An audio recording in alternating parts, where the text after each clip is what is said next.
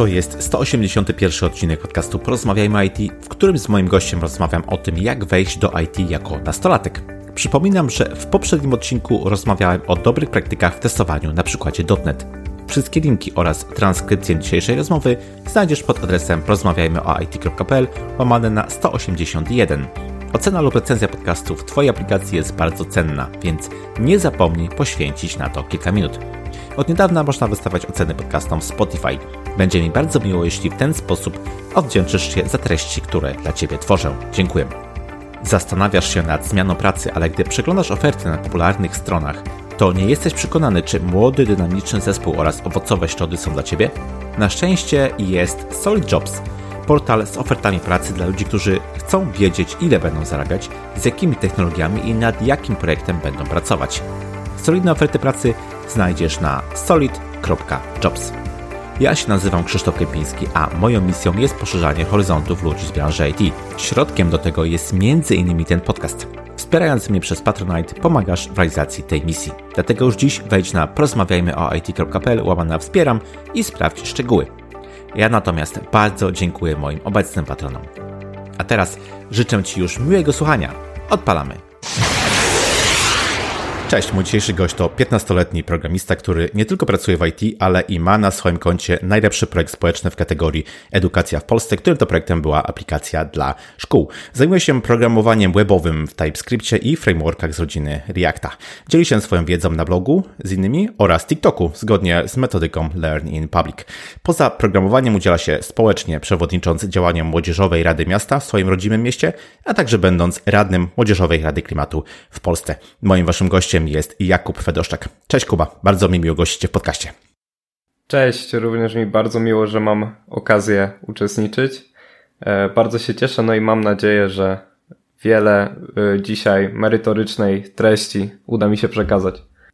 Dokładnie jestem o tym przekonany, tak jak sobie tutaj w kuluarach przed jeszcze rozpoczęciem nagrywania mówiliśmy, e, nieraz byłem pytany o właśnie taki podcast o takiej tematyce, e, a Kuba zgłosił się sam właśnie z propozycją, żeby o tym temacie e, porozmawiać, także cieszę się niezmiernie. No i Kuba, no wiesz, co ja już mogę powiedzieć, jesteś najmłodszym gościem w tym podcaście, nie ma co ukrywać, ale to nie jest przypadek, tak jak już tutaj na początku ustaliśmy, ponieważ dzisiaj będziemy rozmawiać o tym, jak wejść do IT jako nastolatek.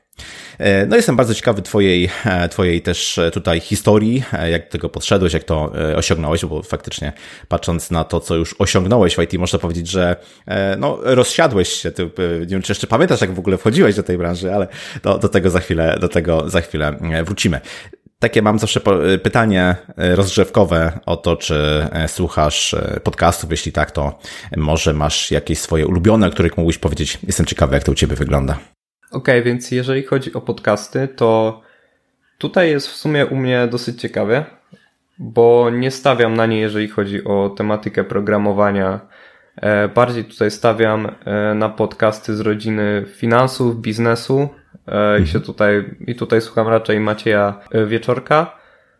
Aczkolwiek, no nie powiem, pojawiają się ciekawe czasami odcinki w takich podcastach jak na przykład Syntax angielskojęzyczny, który mówi tam właśnie o programowaniu webowym. No i to tam gdzieś czasem trafia w moje e, gusta, coś mnie zaciekawi.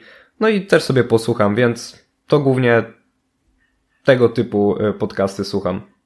Jasne. Maciej Wieczorek, czyli ekspert Bentleyu, Biznes 2.0, tak? To, to jest ta Dokładnie tematyka. tak. Jasne. Super, fajnie. Dzięki za, dzięki za te rekomendacje. Mm, no i zacznijmy może właśnie od tej historii. Jak to wejście do IT wyglądało e, w Twoim przypadku? Jak można wejść w ogóle do IT, będąc e, nastolatkiem? Czy trzeba się e, urodzić już z takimi zdolnościami i kompetencjami? Czy, czy też Ty od zawsze wiedziałeś, że to będzie Twoja droga zawodowa? Jestem ciekawy właśnie tej, tych początków. Okej, okay, u mnie to dosyć ciekawie się potoczyło, bo miałem kilka podejść do tego. E, pierwsze moje podejście było z mojej czystej ciekawości. Jak byłem jeszcze młodszy, to bardzo chciałem zrobić swoją grę.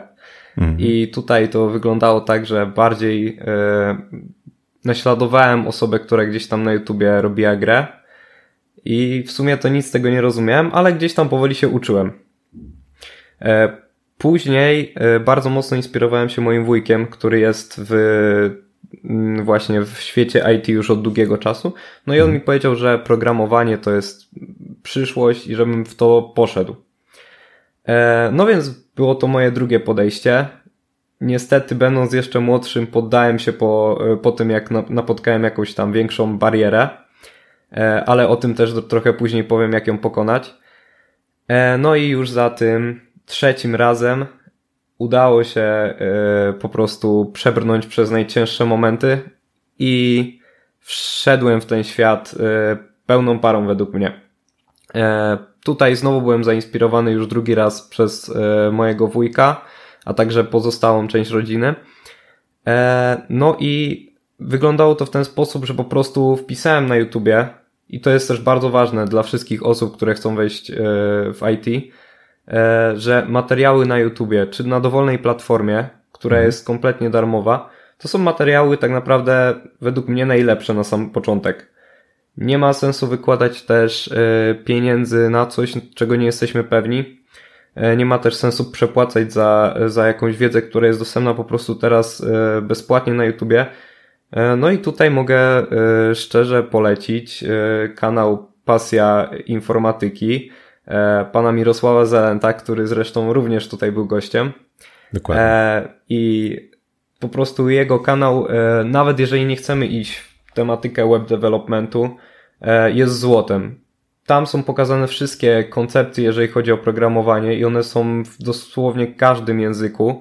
E, no i po prostu przez świetnie wytłumaczone e, ich działanie e, każdy może tam zerknąć i po prostu zacząć. Więc pierwszy krok to kanał Pasja Informatyki, według mnie. Później to już zależy od tego, co tak naprawdę wybierzemy. Jeżeli chcemy iść web development, to wiadomo, fajnie by było się e, zainteresować kanałami, które tym się zajmują. E, w moim przypadku bardzo mocno e, śledziłem gdzieś tam kanał Hello Roman i Overment. Oba niestety już trochę, mm, nie chcę mówić, że podumarły, ale zmieniły kierunek, bym powiedział. publikować treść tak systematycznie jak kiedyś, aczkolwiek wiedza, która tam jest i która jest nadal aktualna, to jest naprawdę mnóstwo materiału do, do obejrzenia dla osób zainteresowanych w tym świecie.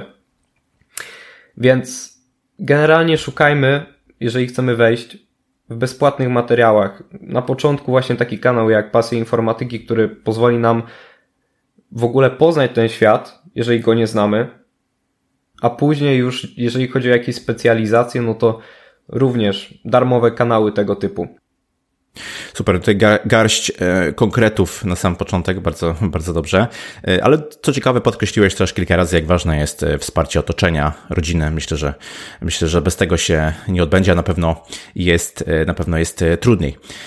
No i właśnie, jeszcze trzymając się trochę tych początków, no ty, ty, jeszcze się uczysz, prawda? Uczysz i, i pracujesz.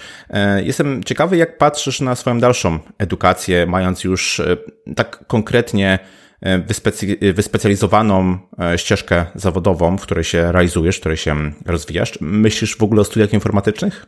Na samym początku myślałem, e, ale trochę jak poznałem ten świat od wewnątrz i też jak posłuchałem opinii wielu osób pracujących w tej branży, czy chociażby tworzących miejsca pracy dla osób takich, które są gdzieś tam programistami, mhm. no to usłyszałem i spotkałem się z taką opinią, że raczej się nie patrzy już na studia. W tym sensie bardziej się stawia na y, wiedzę praktyczną y, i na to, co ktoś potrafi zrobić, y, jak, też, jak też myśli w programowaniu, jak sobie radzi z problemami, jak sobie radzi z komunikacją. No i na ten moment nie czuję takiej po prostu potrzeby. Ja bardziej chciałbym ten czas poświęcić na właśnie samorozwój, na jakieś rozwijanie swoich umiejętności, aniżeli e, na tam gdzieś kończenie tej szkoły wyższej. Mhm, Dlatego też na ten moment nie myślę o tym. Jasne. Wiesz, jak się Ciebie słucha, to uderza taka duża samoświadomość, która no nie jest taka powszechna gdyby w Twoim wieku. Zastanawiam się, jak na to, co Ty robisz, w jaki sposób się realizujesz, rozwijasz, realizu, reagują Twoi koledzy, Twoi znajomi, Twoja rodzina.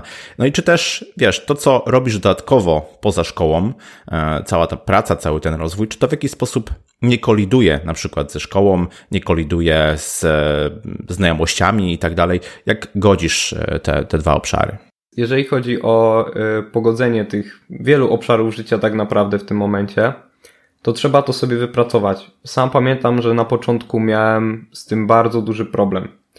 E, bywało i tak, że miałem chaos, w tym sensie chciałem i się uczyć i poświęcać czas tam gdzieś znajomym, bliskim rodzinie, E, no a na ten moment po prostu przemyślałem to, co mam do zrobienia, co powinienem robić i ile czasu sobie tego e, poświęcać na to. Więc podzieliłem sobie tydzień. Pół tak naprawdę całego tygodnia zajmuje mi nauka, bo tam od 8 do 14, 15 jestem w szkole. E, następne gdzieś tam 3 czwarte popołudnia zajmuje mi po prostu praca i samorozwój. No a pozostała część, tam wieczór, zostawiam, e, zostawiam ją dla bliskich i dla, dla znajomych. To jeżeli chodzi od poniedziałku do piątku, a jeżeli chodzi od e, soboty, niedziela, no to wiadomo, znowu pół dnia staram się poświęcać dla siebie, dla kariery, no a kolejne pół dnia e, dla, dla znajomych. Ale to, to jest też jakby system, który sam sobie pracowałem i na pewno bardzo ważne jest to, żeby przemyśleć to, jakie osobiste mamy potrzeby, i dostosować taki plan do swoich potrzeb. Na pewno na początku też nie stawiałbym wszystkiego na jedną kartę. E, nie zaniedbywałbym relacji, e, szkoły, nauki, bo jeżeli nam nie wyjdzie z programowaniem, jeżeli nam się to nie spodoba, albo po prostu stwierdzimy, że to nie jest dla nas, to żeby później nie mieć problemu z powrotem. A powiedz, jak na to reagują twoi koledzy? Czy, czy tutaj widzisz jakieś wsparcie? Może nie wiem, jakąś zazdrość, a może tak dobierasz sobie znajomości, żeby one właśnie cię motywowały i żeby dalej, jak gdyby popychały do dalszego rozwoju. Jak do tego podchodzisz? Mhm. E, na samym początku e, mam też wrażenie, że tutaj brakuje w tym środowisku takiej świadomości o tym świecie. Mhm. Bo ja mówiłem na samym początku o tym, że ja programuję, że ja to umiem, E, i została mi przyszyta taka nazwa informatyka. No, niektórzy jeszcze nie odróżniają informatyka od programisty, więc zostałem mhm. informatykiem. No i z tego też powodu wiele osób bardziej mówiło żartobliwie coś w stylu, że Kuba, dobra, zrób mi to i to, mhm. gdzie niektóre rzeczy były poza moimi kompetencjami, więc myślę, że oni też nie traktowali tak tego na poważnie na samym początku. Później, jak już zobaczyli, że są projekty społeczne, które zrealizowałem, tak naprawdę to jeden projekt społeczny, y, że pojawiają się tam jakieś akcje z mojej strony, e, to wiadomo, na samym początku pojawia się takie trochę, um, czy ty się tego przypadkiem nie wstydzisz, żeby tak hmm. działać w social mediach, bo wiadomo, nie jest to typowe. Aczkolwiek powiem, że po czasie ludzie się przyzwyczajają i ci, którzy tego nie lubią, po prostu gdzieś tam odejdą, nie wiem, odobserwują, a ci, którzy będą mhm. chcieli, no to zostaną i będą słuchać. Więc y, na pewno nie przejmowałbym się tym, co mówią y, ludzie, którzy gdzieś tam y, nie mają takich planów jak my i trochę negują to, co robimy, mhm. bo po prostu oni podej- odejdą po jakimś czasie, no a zostaną ci, którzy będą nas wspierać. Na ten moment raczej się tak nie mówi w moim środowisku o tym, co robię. To już było, przetrawili to i raczej to nie wpływa na moje życie codzienne. Mhm. Jasne, tak dopytywałem w tym temacie, bo myślę, że to jest niezwykle e, istotna rzecz. To wsparcie osób najbliższych pod tytułem rodzina, ale też kręgu e, znajomych e, wręcz jest niezbędne na początku, żeby się faktycznie gdzieś nie poddać, prawda, żeby, żeby gdyby realizować różne rzeczy równolegle, no bo tak właśnie jest w przypadku osób uczących się jednocześnie gdzieś tam pracujących, zdobywających pierwsze mm, szlify w IT i to niestety, tak jak tutaj też zaznaczyłeś, powiedziałeś, może niekiedy oznaczać, że trzeba pewne znajomości zakończyć. Te znajomości, które nas hamują, ściągają w dół, y, które powodują, że zastanawiamy się, czy, czy, czy robimy dobrze i tak dalej. No, trudny, trudny temat, ale niestety trzeba się już wtedy pewnie z tym, z tym zmierzyć. Mhm. Dokładnie. Pewnie. Dobrze, to powiedz, wiesz, mm, ty już jak gdyby te pierwsze kroki masz e, za sobą. E, masz e, zlecenia, masz pewną pracę, którą wykonujesz, ale zanim jak gdyby do tego momentu dojdziemy, no to musimy w jakiś sposób zdobyć doświadczenie, prawda? Rynek obecnie jest taki, że mm, te osoby początkujące, nazwijmy ich e, juniorami, no muszą już mieć jakiś bagaż e, doświadczeń, e, umiejętności, wiedzy i tak dalej, i tak dalej. Więc no pojawia się pytanie, jak rozwijać się jako młoda osoba, która jeszcze nie ma tej komercyjnej pracy mm, w IT, żeby właśnie do takiej pracy aspirować. Będą to po prostu działania, które powinniśmy realizować równolegle z taką nauką osobistą według mnie już od samego początku, jeżeli powiedzmy wybierzemy już tą naszą specjaliza y, specjalizację w y, świecie IT, w moim przypadku to był web development, e, to pierwsze co no to wiadomo, założenie GitHuba i robienie projektów tak zwanych do szuflady. Mhm. Tylko teraz ważne, e, jeżeli tworzymy projekty do szuflady, to fajnie, że to fajnie, aby kilka z nich można było wystawić na publiczne repozytorium i pokazać światu czy potencjalnym pracodawcom, że my mamy te umiejętności, że oni mogą przyjść, sprawdzić jak wygląda nasz kod, jak wygląda y, porządek y, w gicie, e, no a także jak dbamy w ogóle o, o projekt na GitHubie. E, I to jest druga rzecz, że jeżeli już wchodzimy na GitHuba i chcemy, aby to była jakaś część naszej wizytówki, to musimy o niego zadbać. E, bardzo ważną częścią jest e, profil nasz, czyli nasz opis. E, fajnie by było opisać, czym się zajmujemy dokładnie, w jakim kierunku chcemy się rozwijać, co nas interesuje, czy chociażby czego nam jeszcze brakuje w tej naszej wiedzy, ale to uzupełnimy. Następną rzeczą są w ogóle same repozytoria. I tutaj myślę, że jeżeli ktoś chce, to bardzo chętnie pozwolę dowolnej osobie zainspirować e, się czy skopiować moje opisy z mojego GitHuba mhm. i po prostu przerobić to e, na swoje. E, mam tu na myśli to, aby zadbać, aby projekt miał zdjęcia aplikacji, jeżeli na przykład strona, na której hostujemy ją testowo padnie.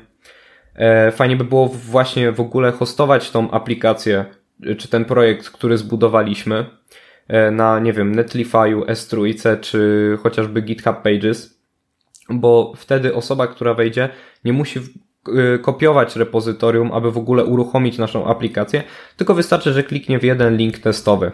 Mhm. E, dalej fajnie by było umieścić jakieś statystyki z GitHub, z Google Insights, dobrze by było e, zamieścić wszystkie informacje technologiczne, jakie najważniejsze biblioteki zostały użyte, jakie frameworki, e, w jakim kierunku ta aplikacja dalej może zostać rozwijana. Mm, no i tak naprawdę wszystko, co tylko da się opowiedzieć, bo wtedy taka osoba wchodzi i widzi, że my faktycznie mamy wiedzę na temat tego, co zbudowaliśmy, że umiemy to dobrze opisać no a także tak naprawdę można zobaczyć skutki naszej pracy e, od razu po wejściu w jeden link. Więc pierwszą rzeczą jest dobrze zrobiony GitHub. E, drugą rzeczą jest na pewno udzielanie się e, publicznie i kierowanie się metodyką właśnie Learn in Public. Mhm. Jeżeli chcemy się wyróżnić, to najlepszą rzeczą, którą możemy zrobić, jest dzielenie się swoją wiedzą e, ze wszystkimi. Może to być w formie, nie wiem, Instagrama, własnego bloga. W ogóle super e, zrobić, napisać własnego bloga i na nim wstawiać te posty, bo to, bo to kombinacja i umiejętności, i treści. Mhm. E, fajnie, jeżeli kogoś to kręci, zrobić swój kanał na YouTubie. Po prostu kierować się tą metodyką uczenia się publicznie. No bo wtedy możemy przyciągnąć do siebie nowych ludzi, możemy gdzieś tam stać się rozpoznawalni. No a co za tym idzie, pierwsza praca tak naprawdę przyjdzie do nas sama. Jasne, czyli budujmy portfolio e, i miejmy też e, już jakieś zaczątki, zalążki budowania marki osobistej, bo to, co właśnie ty przedstawiłeś jako dzielenie się e, tą wiedzą, to właśnie jest, e, to są pierwsze kroki w tym kierunku. No i właśnie, często ja też słyszę takie pytanie, no ale ja właściwie dopiero startuję, ja dopiero się czegoś uczę, o czym miałbym pisać, prawda? No, statystycznie okazuje się, że zazwyczaj są osoby, które są jeszcze krok za nami i dla takich osób nasz sposób tłumaczenia tej nowo nabytej wiedzy, tych umiejętności będzie najbardziej przystępny, ponieważ jesteśmy najbliżsi jeszcze temu etapowi. Znacznie trudniej osobie z dziesięcioletnim doświadczeniem jest coś wytłumaczyć w tak zupełnie, zupełnie laicki e, sposób, więc e, te treści, które my e, tworzymy, będąc zupełnie na początku naszej drogi, mogą być dla kogoś naprawdę wartościowe i cenne. I tak jak powiedziałeś, dla przyszłych pracodawców, zleceniodawców, to też może być, czy dla rekruterów, to może być taki dowód na to, że my faktycznie opanowaliśmy ten materiał, skoro potrafimy go wytłumaczyć, bo to już jest mm, no, taka umiejętność w sama w sobie, skoro jesteśmy w stanie wytłumaczyć ten kawałek wiedzy, to znaczy, że mamy go no, już jakoś dogłębnie poznanego, że, że zgłębiliśmy ten, ten obszar i potrafimy go komuś e, przekazać, więc e, jak najbardziej podpisuję się pod tą rekomendacją, e, żeby mm, publicznie pokazywać postępy naszej nauki. Super. Dobrze, Kuba, mówiliśmy już o tym, że e, rola rodziny jest bardzo istotna, że rola e, taka koleżeńska, tak, tego koleżeńskiego otoczenia jest też istotna. No ale dla młodego człowieka, dla nastolatka, no, szkoła też jest całkiem sporym fragmentem e, życia. No właśnie, jak to wygląda przypadku szkoły i e, nauczycieli, czy według Ciebie e, wpływ, e, jakieś, jakieś no nie wiem, popychanie do, do rozwoju właśnie ze strony szkoły i nauczycieli jest potrzebne, istotne? Czy Ty tego doświadczyłeś? Jak na to, jak na to patrzysz? Jeżeli chodzi o szkołę, to zależy od osoby, która Ci się trafi tak naprawdę.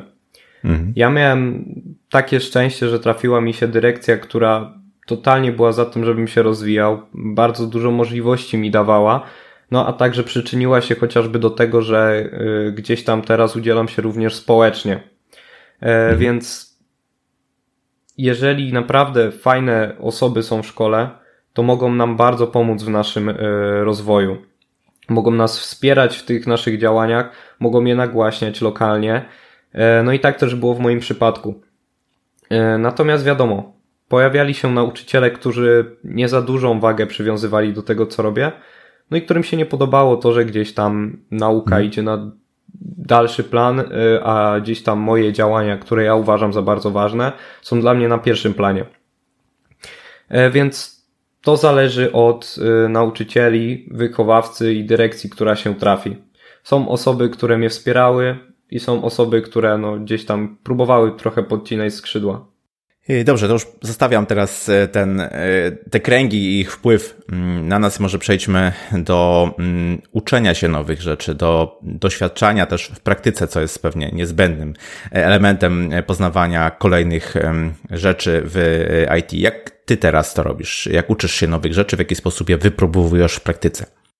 Mój sposób sam sobie wypracowałem i on może też pomóc wszystkim tym, którzy mają barierę na samym początku ale dobra, zacznijmy od początku.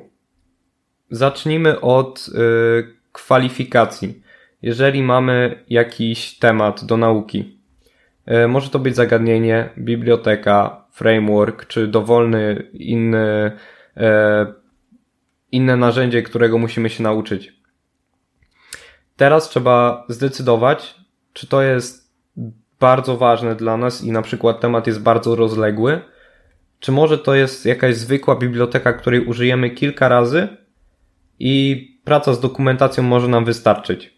Mhm. Jeżeli jest to właśnie ten drugi przy, przypadek, nie wiem, potrzebujemy jakiejś biblioteki w projekcie, to ja robię tak, że działam z dokumentacją i na bieżąco, wdrażając to w aplikacji, ja się po prostu tego uczę. E, I to jest też poniekąd fajne, że nie muszę poświęcać czasu na inne czynności. Ale pytanie, co jeżeli pojawi nam się trochę większy temat? Jeżeli chcemy się nauczyć, nie wiem, nowego frameworka. E, no a wiadomo, frameworka raczej z dokumentacją się nie nauczymy. No, jeżeli ktoś chce, no to próbujcie, ale ja nie polecam. Mhm. E, więc w moim przypadku wygląda to tak, że znajduję sobie kurs lub tutorial. E, no i teraz oglądam odcinek pierwszy jeden raz za drugim razem oglądam go już robiąc notatki, pisząc je w Wordzie. Mhm. Następnie drukuję te notatki, czytam je sobie jeszcze raz. No a ostatnim krokiem jest po prostu zaczęcie nowego projektu z y, opisywanym w tutorialu y, narzędziem. Pozwala to połączyć wiedzę teoretyczną, która również się tam gdzieś w naszej głowie zapisuje podczas robienia notatek, z wiedzą praktyczną, która przekłada się właśnie na ten nowy projekt. Jakbym na przykład uczył się Next.jsa znowu, to ja by po prostu zaczął nowy projekt i wdrażał razem z moim nauczycielem e, to wszystko, czego on tam mnie uczy. Fajną rzeczą w tym podejściu jest również to, że taki projekt później może pójść na naszego GitHuba i to może być znowu jakaś pozycja do naszego portfolio. Mhm. E, więc tak wygląda moje podejście.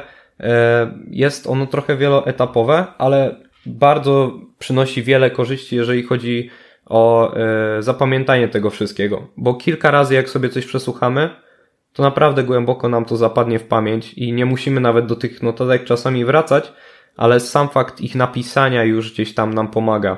Pewnie. E, dobrze, że podkreśliłeś, że faktycznie powinniśmy jak najszybciej w praktyce wypróbować tą wiedzę nowo nabytą, bo wtedy dopiero się ona e, utrwala i można faktycznie przeczytać książkę, na przykład o jakiej, jakimś frameworku czy jakiejś e, technologii i tak naprawdę nie potrafić nic zrobić, więc to ta wiedza praktyczna się liczy. No a jak jesteśmy już przy takich bardzo praktycznych rzeczach, no to mm, powiedz proszę, jak od strony prawnej wygląda praca nastolatka, no nie tylko w IT, tylko w ogóle, jak do tego podejść, żeby to było w pełni legalne. Okej. Okay. Niestety jest to temat, który jest nienagłaśniany i ja na przykład dopóki gdzieś tam nie zacząłem y, szperać w tych sferach, czy może nawet pierwsi y, pracodawcy się do mnie nie odezwali, to ja kompletnie też nie byłem świadom na temat możliwości, które tak naprawdę mamy Mhm. Chodzi o to, że od 15 roku życia, pod warunkiem e, skończenia szkoły podstawowej, możemy już pracować na umowie o pracę na specjalnych warunkach. Wiadomo, tam możemy maksymalnie chyba przepracować 20 godzin w miesiącu. E, musimy mieć tam specjalne godziny pracy dostosowane do naszego planu lekcji, ale jest to możliwe i jest to bardzo fajne bo e, wszystko jest w pełni legalne, a też wiele osób o tym nie wie, że tak się da zrobić. Jeżeli ktoś się boi, e, jeżeli ktoś się boi formalności, to od razu mówię, że jeżeli idziecie do pracodawcy, to e, kadrowa czy jakiś księgowy zajmie się tymi formalnościami, będzie dobrze wiedział, co zrobić i podeślę Wam odpowiednie dokumenty, które będziecie mieli do podpisania Wy oraz Wasi opiekunowie e, prawni, bo to też jest ważna kwestia, mhm. że oprócz tego, że my to podpisujemy jako e, pracownicy, no to również, jako iż jesteśmy dalej małoletni, muszą to podpisać nasi rodzice czy też opieku, opiekunowie prawni. Okay, czyli mamy, mamy po prostu taką możliwość, dobrze, że e, możemy skorzystać właśnie z takiej, z takiej e, możliwości. To jest e, na pewno bardzo, bardzo pomocne. Powiedziałeś tutaj przed chwilą, że zanim pracodawcy się do ciebie nie odezwali, to nie miałeś rozeznania w tym, w tym temacie. Jak to osiągnąłeś? Jak to się stało, że doprowadziłeś do tak zwanej odwrotnej rekrutacji, kiedy to właśnie pracodawcy odzywają się do ciebie, a nie ty do nich? Okej, okay. myślę, że tutaj właśnie kluczowym elementem jest coś, co już poruszyliśmy, czyli właśnie to, że ja od samego początku starałem się i dalej się staram e, dzielić moją wiedzą publicznie. Na mhm. Instagramie, czy tak jakby chociażby teraz e, w tym podcaście. E, ja po prostu mówię o tym, co wiem. E, daję porady i to wszystko robię za darmo, dlatego, e, że jest to zgodne z tą metodyką. Mhm. Pozwala mi to dotrzeć do potencjalnych pracodawców, do potencjalnych jakichś założycieli projektów, którzy może faktycznie szukają młodej osoby, która nie wymaga za dużo bądź co bądź, e, a ma gdzieś tam wiedzę podstawową czy średnio zaawansowaną. No i można po prostu taką, takiej osobie powiedzieć, że hej, widziałem, dzieliłeś się wiedzą na Instagramie, na forum, widziałem, że fajne artykuły piszesz, widzę po Twoim GitHubie, że dobrze go prowadzisz, że fajne projekty sam zrobiłeś, e, czy chociażby jeżeli skończymy jakiś projekt społeczny, to również jest to kolejna, kolejny argument dla nas, że my jesteśmy odpowiednimi tam y, pracownikami. E, więc po prostu to, jak stworzymy swoją markę osobistą, a mamy takie możliwości już nawet w młodym wieku, sprawia, że niektórzy może sami będą chcieli się do nas odezwać. Dlatego jest to tak ważne. Właśnie istotne jest też to, żeby mówić i komunikować, pokazywać tę markę osobistą, bo co z tego, że mamy świetnego GitHuba, co z tego, że, że mamy rewelacyjne portfolio, jeśli po prostu nikt o tym nie wie, więc to też jak gdyby trzeba być świadomym e, tego, że to dzielenie się wiedzą, nawet w tak młodym wieku, oznacza wystawianie się na y, jakiś publiczny widok, osąd, y, krytykę i tak dalej. To też myślę, że jest elementem tego. No ale tak jak tutaj powiedziałeś, można faktycznie mm, wiele y, uzyskać, bo no, to jest naprawdę duży przywilej, jeśli można mm, otrzymywać jakieś zapytania właśnie od pracodawców, a niekoniecznie zabiegać o ich, o ich uwagę.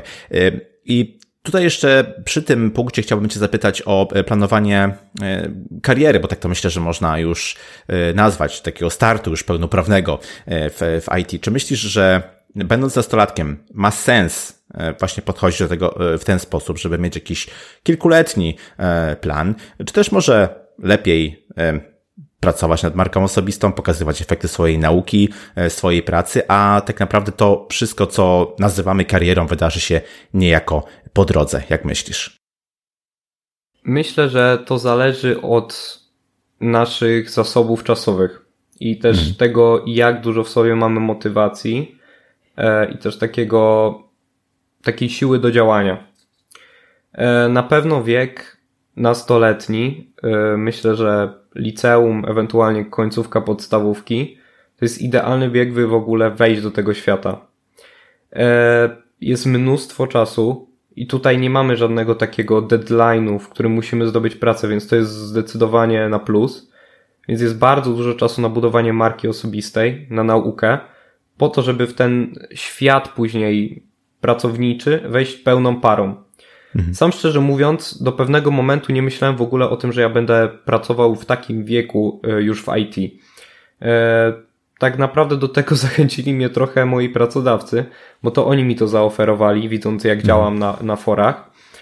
Więc myślę, że startując, budujmy tą markę osobistą. Jeżeli ktoś się odezwie i stwierdzi, fajnie piszesz, fajną wiedzę przekazujesz, no to Decyzja pozostaje dla nas. Wiemy, że mamy taką możliwość. Według mnie, jeżeli mamy zasoby czasowe, to ja bym w to wchodził. Zdecydowanie y, zdobędziemy wtedy mnóstwo doświadczenia. E, będziemy mieli też e, coś, co będziemy mogli wpisać do CV. E, więc jeżeli masz taką możliwość, jeżeli ktoś się do ciebie odezwał, startuj. No właśnie, zwłaszcza, że praca nad naszą marką osobistą zazwyczaj to jest jakiś e, czas mierzony w miesiącach, a przyna- albo w latach wręcz, prawda? Więc im wcześniej zaczniemy, tym więcej będziemy mieli czasu, żeby faktycznie ten kapitał marki osobistej sobie gdzieś zbudować i e, odłożyć, to z pewnością e, zaprocentuje. Tutaj chciałbym jeszcze Cię mm, zapytać, jak kierować tym rozwojem na początku, bo mm, wspomniałeś, że na ten moment nie planujesz e, studiów, raczej planujesz skupić się na takim praktycznym rozwoju swoich umiejętności, na zdobywaniu też umiejętności właśnie poprzez pracę, poprzez realizację e, pewnych e, projektów. No oczywiście studia to jest jakiś tam wybór, ma ma ten wybór pewne swoje plusy i, i minusy. Jednym z takich plusów, myślę sobie, jest to, że mamy możliwość dość szeroko e, poznać różne aspekty IT, zanim jeszcze wybierzemy konkretną e, specjalizację. E, czy, czy według Ciebie nastolatek, który myśli o wejściu do IT, powinien już się specjalizować, powinien głęboko poznawać jakiś wąski fragment IT jakiejś e, technologii, czy też może właśnie nie, może ma na tyle jeszcze dużo czasu, że warto e, eksplorować e, ten temat i dopiero później decydować. Jak ty do tego podszedłeś, jak myślisz, byłoby najlepiej do tego podejść? Ja do tego podszedłem w ten sposób, że ja już wcześniej generalnie zbadałem kilka obszarów IT, Mhm. Kilka stwierdziłem, że jest nie dla mnie po prostu. Spotkałem się z web developmentem i stwierdziłem, ok, to mi się podoba. I w to po prostu poszedłem, zacząłem się specjalizować.